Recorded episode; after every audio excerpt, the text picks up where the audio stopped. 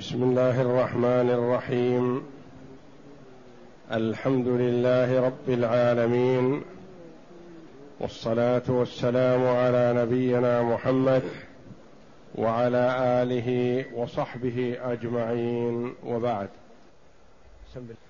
أعوذ بالله من الشيطان الرجيم. سيقول لك المخلفون من الأعراب شغلتنا أموالنا وأهلنا فاستغفر لنا. يقولون بألسنتهم ما ليس في قلوبهم. قل فمن يملك لكم من الله شيئا إن أراد بكم ضرا أو أراد بكم نفعا بل كان الله بما تعملون خبيرا بل ظننتم ان لن ينقلب الرسول والمؤمنون إلى اهليهم ابدا وزين ذلك في قلوبكم وظننتم ظن السوء وكنتم قوما بورا ومن لم يؤمن بالله ورسوله فإنا أعتدنا للكافرين سعيرا ولله ملك السماوات والأرض يغفر لمن يشاء ويعذب من يشاء وكان الله غفورا رحيما هذه الآيات الكريمة من سورة الفتح يقول الله جل وعلا في كتابه العزيز سيقول لك المخلفون من الأعراب شغلتنا أموالنا وأهلنا فاستغفر لنا. هذه الآيات جاءت بعد قوله جل وعلا إن الذين يبايعونك إنما يبايعون الله. يد الله فوق أيديهم فمن نكث فإنما ينكث على نفسه ومن أوفى بما عاهد عليه الله فسيؤتيه اجرا عظيما. لما ذكر الله جل وعلا رضاه واطلاعه وعلمه بالذين بايعوا النبي صلى الله عليه وسلم في الحديبية بيعة الرضوان للاستماتة في سبيل الله والا يفروا من العدو مهما بلغ كثرة. ذكر جل وعلا من تخلف وخلف عن هؤلاء الأخيار. فقال جل وعلا سيقول لك المخلفون من الأعراب يخبر جل وعلا عبده ورسوله محمدا صلى الله عليه وسلم بما سيقال له قبل أن يقولوا شيئا. انصرافه من الحديبية وقبل أن يصل إلى المدينة أخبره الله جل وعلا بأن أعراب أهل المدينة سيقولون كذا وكذا. سيقول لك المخلفون. مخلف. فرق بين مخلف ومتخلف. متخلف هو تخلف. هو نفسه. لكن هؤلاء مخلفون. خلفهم الله. أخرهم الله. ثبطهم الله عن الخروج لأنهم لا خير فيهم. وهم على هذا المعتقد الذي هم عليه. سيقول لك المخلفون من الأعراب هؤلاء أعراب حول المدينة فيهم نفاق. ما عندهم الإيمان بالله جل وعلا وبرسوله صلى الله عليه وسلم. وذلك أن النبي صلى الله عليه وسلم لما عزم على التوجه إلى مكة في السنة السادسة للعمرة وكان هو وأهل مكة أهل حرب كانوا محاربين له فالنبي صلى الله عليه وسلم رغب إلى أهل المدينة ومن حولهم أن يصحبوه للعمرة. ليكثر العدد. لأنه عليه الصلاة والسلام لا يعلم الغيب إلا ما أطلعه الله جل وعلا عليه. فلا يدري ماذا سيكون من أهل مكة. ربما خرجوا بجيشهم وعدتهم لمقابلة النبي صلى الله عليه وسلم للقتال.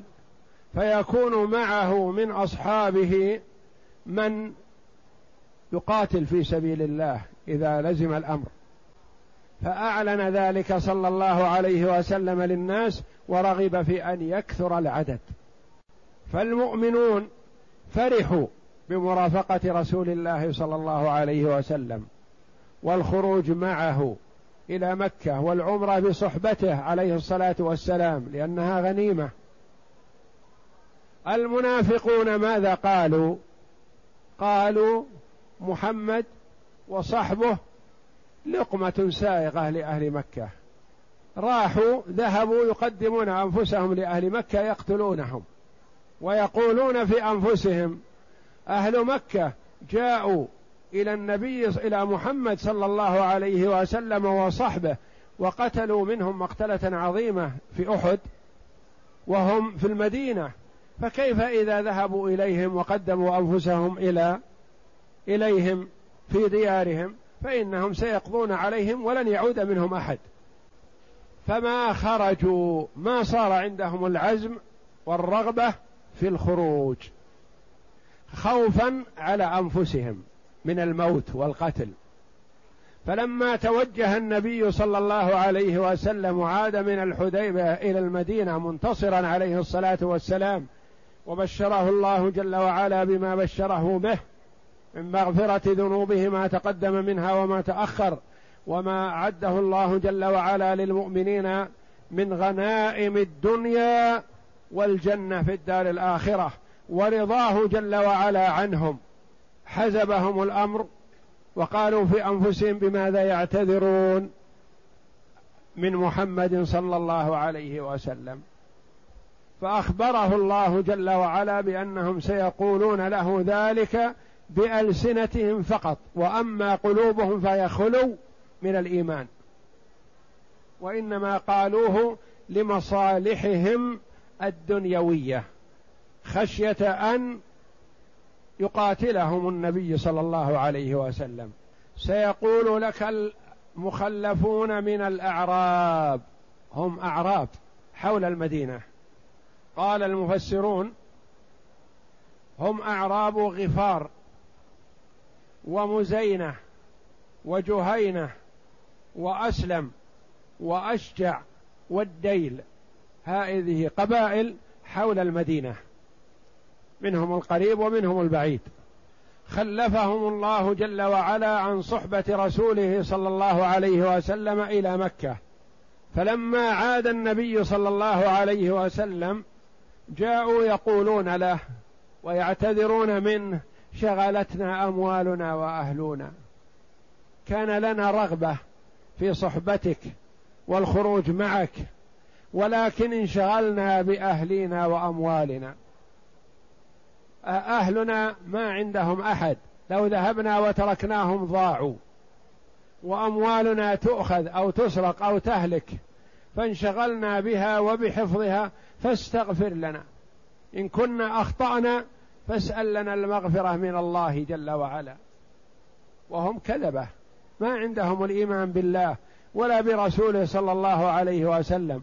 ولكنهم قالوا هكذا ليرضوا النبي صلى الله عليه وسلم باللسان فقط. فاستغفر لنا يعني اسأل لنا المغفرة من الله لعل الله أن يغفر لنا تخلفنا وذنبنا في التخلف. وكان من أذنب من الصحابة رضي الله عنهم بقوة إيمانهم يأتون إلى النبي صلى الله عليه وسلم يطلبون منه أن يستغفر لهم وأن يسأل الله جل وعلا لهم المغفرة والتوبة. فهؤلاء تشبهوا بالمؤمنين وليسوا منهم لأن أولئك يقولون ذلك بألسنتهم وبقلوبهم. كالذي ربط نفسه في سارية المسجد وقال لا أفك منها حتى يحلني رسول الله صلى الله عليه وسلم. وأعلم أن الله جل وعلا غفر لي خطيئتي. والآخر يأتي معترف بالحد بما فعل من الأفعال ليقام عليه الحد وليطهر. وهكذا الصحابة رضي الله عنهم ليسوا معصومين من الخطيئة ولكنهم يستغفرون ويتوبون ويرجعون إلى الله جل وعلا. هؤلاء تشبهوا بهم. جاءوا إلى النبي صلى الله عليه وسلم وقالوا شغلتنا يعني انشغلنا بأموالنا شغلتنا أموالنا وأهلنا فاستغفر لنا ليغفر الله لنا. أخبر الله جل وعلا بقوله يقولون بألسنتهم ما ليس في قلوبهم. هذا كذب. وهذا مجرد قول باللسان وإلا فليس عندهم إيمان. لا يؤمنون بالله ولا برسول الله صلى الله عليه وسلم.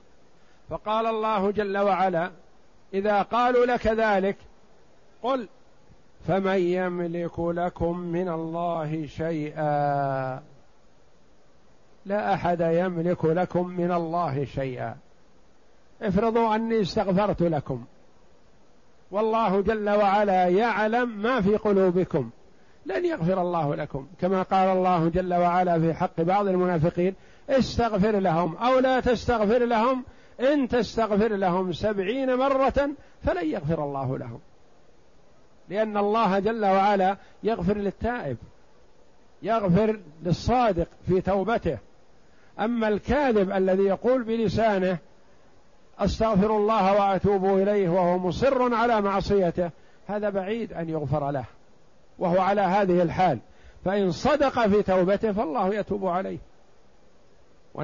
وعلي بن أبي طالب رضي الله عنه يحذر من توبة الكذابين. قالوا يا ما هي توبة الكذابين؟ قال أن يقول أستغفر الله وأتوب إليه وهو مصر على معصيته. هذا كاذب. إذا قال استغفر الله وأتوب إليه يرجع عن معصيته ويترك المعصية ويندم على ما فرط منها ويعزم على ألا يعود فالله يغفر له. والله جل وعلا يقول قل يا عبادي الذين أسرفوا على أنفسهم لا تقنطوا من رحمة الله إن الله يغفر الذنوب جميعا إنه هو الغفور الرحيم وأنيبوا إلى ربكم وأسلموا له. اصدقوا. فالمؤمن المسلم لا يستعظم ذنبه مهما عظم في جانب عفو الله إذا تاب إلى الله توبة صادقة. أما إذا كان يكذب فالله جل وعلا يعلم ما في قلبه. لا تخفى عليه خافية. ولقد خلقنا الإنسان ونعلم ما توسوس به نفسه ونحن أقرب إليه من حبل الوريد العرق العرق الذي في جانب العنق. يعلم خائنة الأعين وما تخفي الصدور. قل فمن يملك لكم من الله شيئا؟ لا أحد. من أحد؟ من يستطيع أن ينفعكم عند الله؟ والله جل وعلا يعلم ما في قلوبكم من النفاق. إن أراد بكم ضرا أو أراد بكم نفعا. إن أراد بكم ضرا قراءة والقراءة الأخرى إن أراد بكم ضرا بفتح الضاد وضمها. ضر قالوا الضر خلاف النفع. والضر هو ما يضر الإنسان بمعنى البؤس والسقم. وابن جرير رحمه الله يقول القراءتان صحيحتان. ضر أو ضر لكنه رجح القراءة بالفتح. قال لأنها بمعنى خلاف النفع ثم ورد المقابل الذي هو النفع. إن أراد بكم ضرا أو أراد بكم نفعا. فلا أحد يرد عنكم ما أراده الله جل وعلا من العذاب. ولا أحد يستطيع أن يمنع النفع الذي أراده الله جل وعلا لكم إن أراد ذلك. فهو المتصرف جل وعلا كيفما شاء. إن أراد بكم ضرا أو أراد بكم نفعا. بل الواقع والحقيقة بل كان الله بما تعملون خبيرا. ما في قلوبكم من النفاق والكفر والضلال يعلمه الله جل وعلا مطلع عليه. ولا ينفعكم استغفار محمد ولا غيره. ما ينفعكم. ينفعكم الاستغفار مع التوبة والندم. ولو أنهم ظلموا أنفسهم جاءوك فاستغفروا الله واستغفر لهم الرسول لوجدوا الله توابا رحيما. إذا صدقوا واستغفروا الله وطلبوا من النبي صلى الله عليه وسلم أن يستغفر لهم غفر الله لهم لأن الله جل وعلا غفور رحيما بل كان الله بما تعملون خبيرا مطلع على ما في قلوبكم وما في ضمائركم من النوايا الخبيثة والنفاق وأنه ما امتنعتم من الخروج مع النبي صلى الله عليه وسلم إلا ظنكم السيء بأن الله لن ينصر عبده ورسوله محمدا صلى الله عليه وسلم. ظنكم أن محمد ومن سيذهب معه سيكونون لقمة سائغة للكفار في مكة. هذا الذي منعكم من الخروج ولم يكن لعذر حقيقي.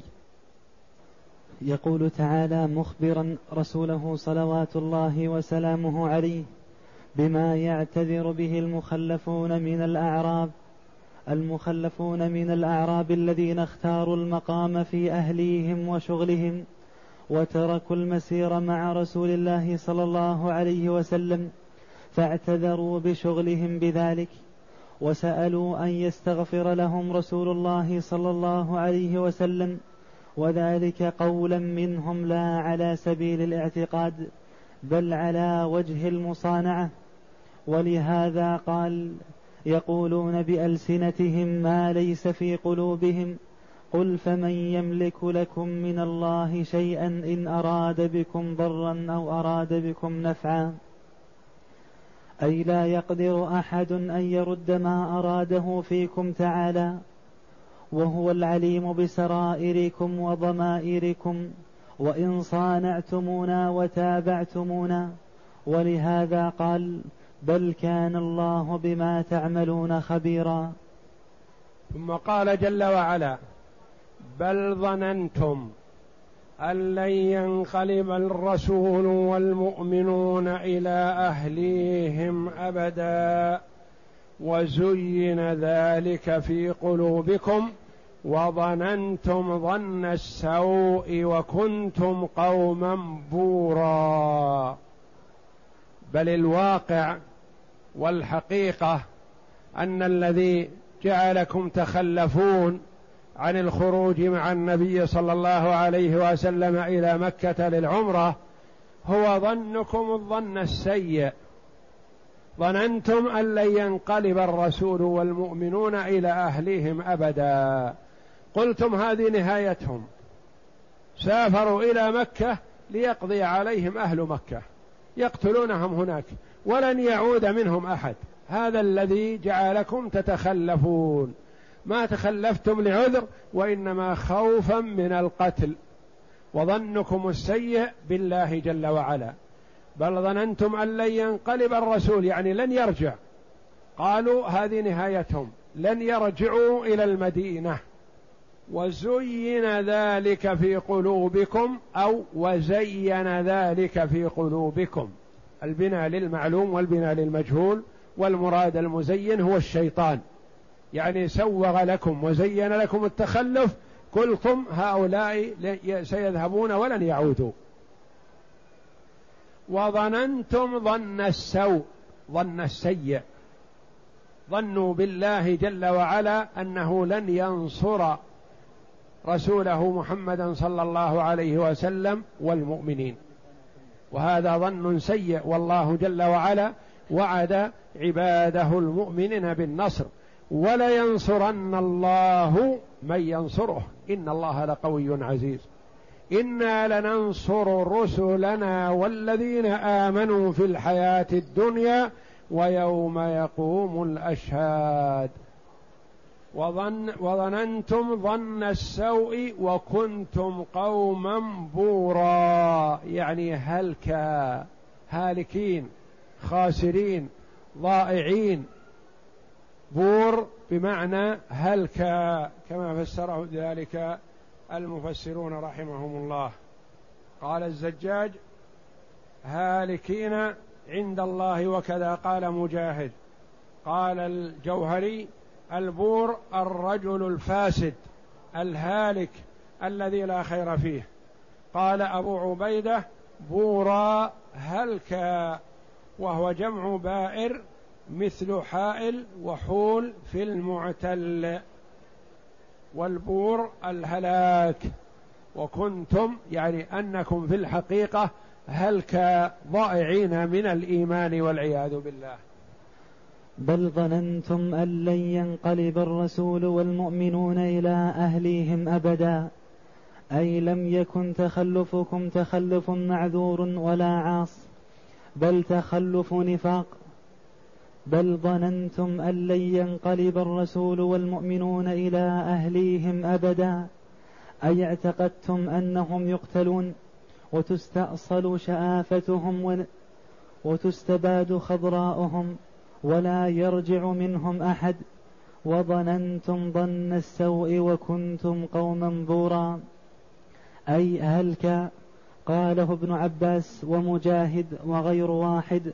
وقال قتادة فاسدين ومن لم يؤمن بالله ورسوله توعد الله جل وعلا المنافقين والكفار وكل من أعرض عن متابعة النبي صلى الله عليه وسلم بقوله ومن لم يؤمن بالله ورسوله كائنا من كان فإنا أعتدنا هيأنا وأوجدنا للكافرين سماهم الله جل وعلا كافرين وهم منافقون والمنافقون أخس من الكفار فهم في الدرك الأسفل من النار.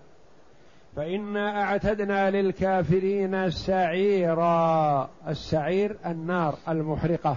المهلكة والعياذ بالله. أعدها الله جل وعلا لمن عصاه. ومن لم يؤمن بالله ورسوله أي لم يخلص العمل في الظاهر والباطن لله فإن الله تعالى سيعذبه في السعير وإن أظهر للناس ما يعتقدون خلاف ما هو عليه في نفس الأمر. ولله ملك السماوات والأرض يغفر لمن يشاء ويعذب من يشاء وكان الله غفورا رحيما.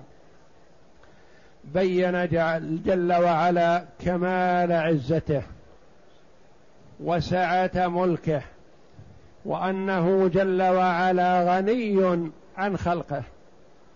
والخلق مفتقرون إليه. فقال جل وعلا ولله ملك السماوات والأرض له السلطان وله القهر وله الملك جل وعلا في السماوات والأرض فهو المتصرف في الكون. يعذب من شاء عدلا منه جل وعلا ويغفر لمن شاء تفضلا منه ورحمة. وبدأ جل وعلا بذكر المغفرة اولا استجلابا لهم وترغيبا لهم في طلب المغفرة والتوبة. فقال جل وعلا يغفر لمن يشاء يغفر لمن يشاء. وفي هذا دعوة لهم إلى الاستغفار الحقيقي بالقلب واللسان. وأما الاستغفار باللسان فلا ينفعهم وكذا لا ينفعهم استغفار الرسول صلى الله عليه وسلم لو استغفر لهم وهم لم يؤمنوا. يغفر لمن يشاء لعلمه جل وعلا أنه يستحق المغفرة. ويعذب من يشاء بعدله جل وعلا. فمن أعرض عن طاعة الله وطاعة رسوله عذبه لأنه أمر بالطاعة فأبى. وكان الله غفورا رحيما من جوده وكرمه جل وعلا. رغب عباده بالمغفرة ووصف نفسه جل وعلا بالمغفرة والرحمة. ولم يقل هنا وكان الله شديد العقاب. وإنما قال وكان الله غفورا رحيما. فاطلبوها. تعرضوا لرحمة الله جل وعلا. اسألوا الله المغفرة والرحمة بصدق وإخلاص يعطكم إياها. فمن استغفر وتاب توبة صادقة قبل الممات غفر الله له. والله جل وعلا يقبل توبة العبد ما لم يغرغر. والله جل وعلا يبسط يده بالليل ليتوب مسيء النهار ويبسط يده بالنهار ليتوب مسيء الليل. ورغب عباده بالاستغفار والتوبة ليغفر لهم وليتوب عليهم ليرجعوا إلى الله جل وعلا. وكان الله غفورا رحيما فهو جل وعلا مع ما وصفهم به من الإعراض عن الله وعن رسوله صلى الله عليه وسلم دعاهم إلى الاستغفار والتوبة ووصف نفسه بالمغفرة والرحمة وأن رحمته قريبة. وإنما على العبد أن يتعرض لها بطلبها بصدق وإخلاص. اقرأ. ثم بين تعالى أنه الحاكم المالك المتصرف في أهل السماوات والأرض. يغفر لمن يشاء ويعذب من يشاء وكان الله غفورا رحيما. لمن تاب إليه وأناب إليه وخضع لديه. وإذا سألك عبادي عني فإني قريب. أجيب دعوة الداع إذا دعان فليستجيبوا لي وليؤمنوا بي لعلهم يرشدون. ليستجب لله جل وعلا ولرسوله ليتوب ليستغفر ليصدق في توبته واستغفاره ليبتعد عن المعصية يغفر له ما مضى. حتى وإن كان الكفر والشرك. قل للذين كفروا إن ينتهوا يغفر لهم ما قد سلف.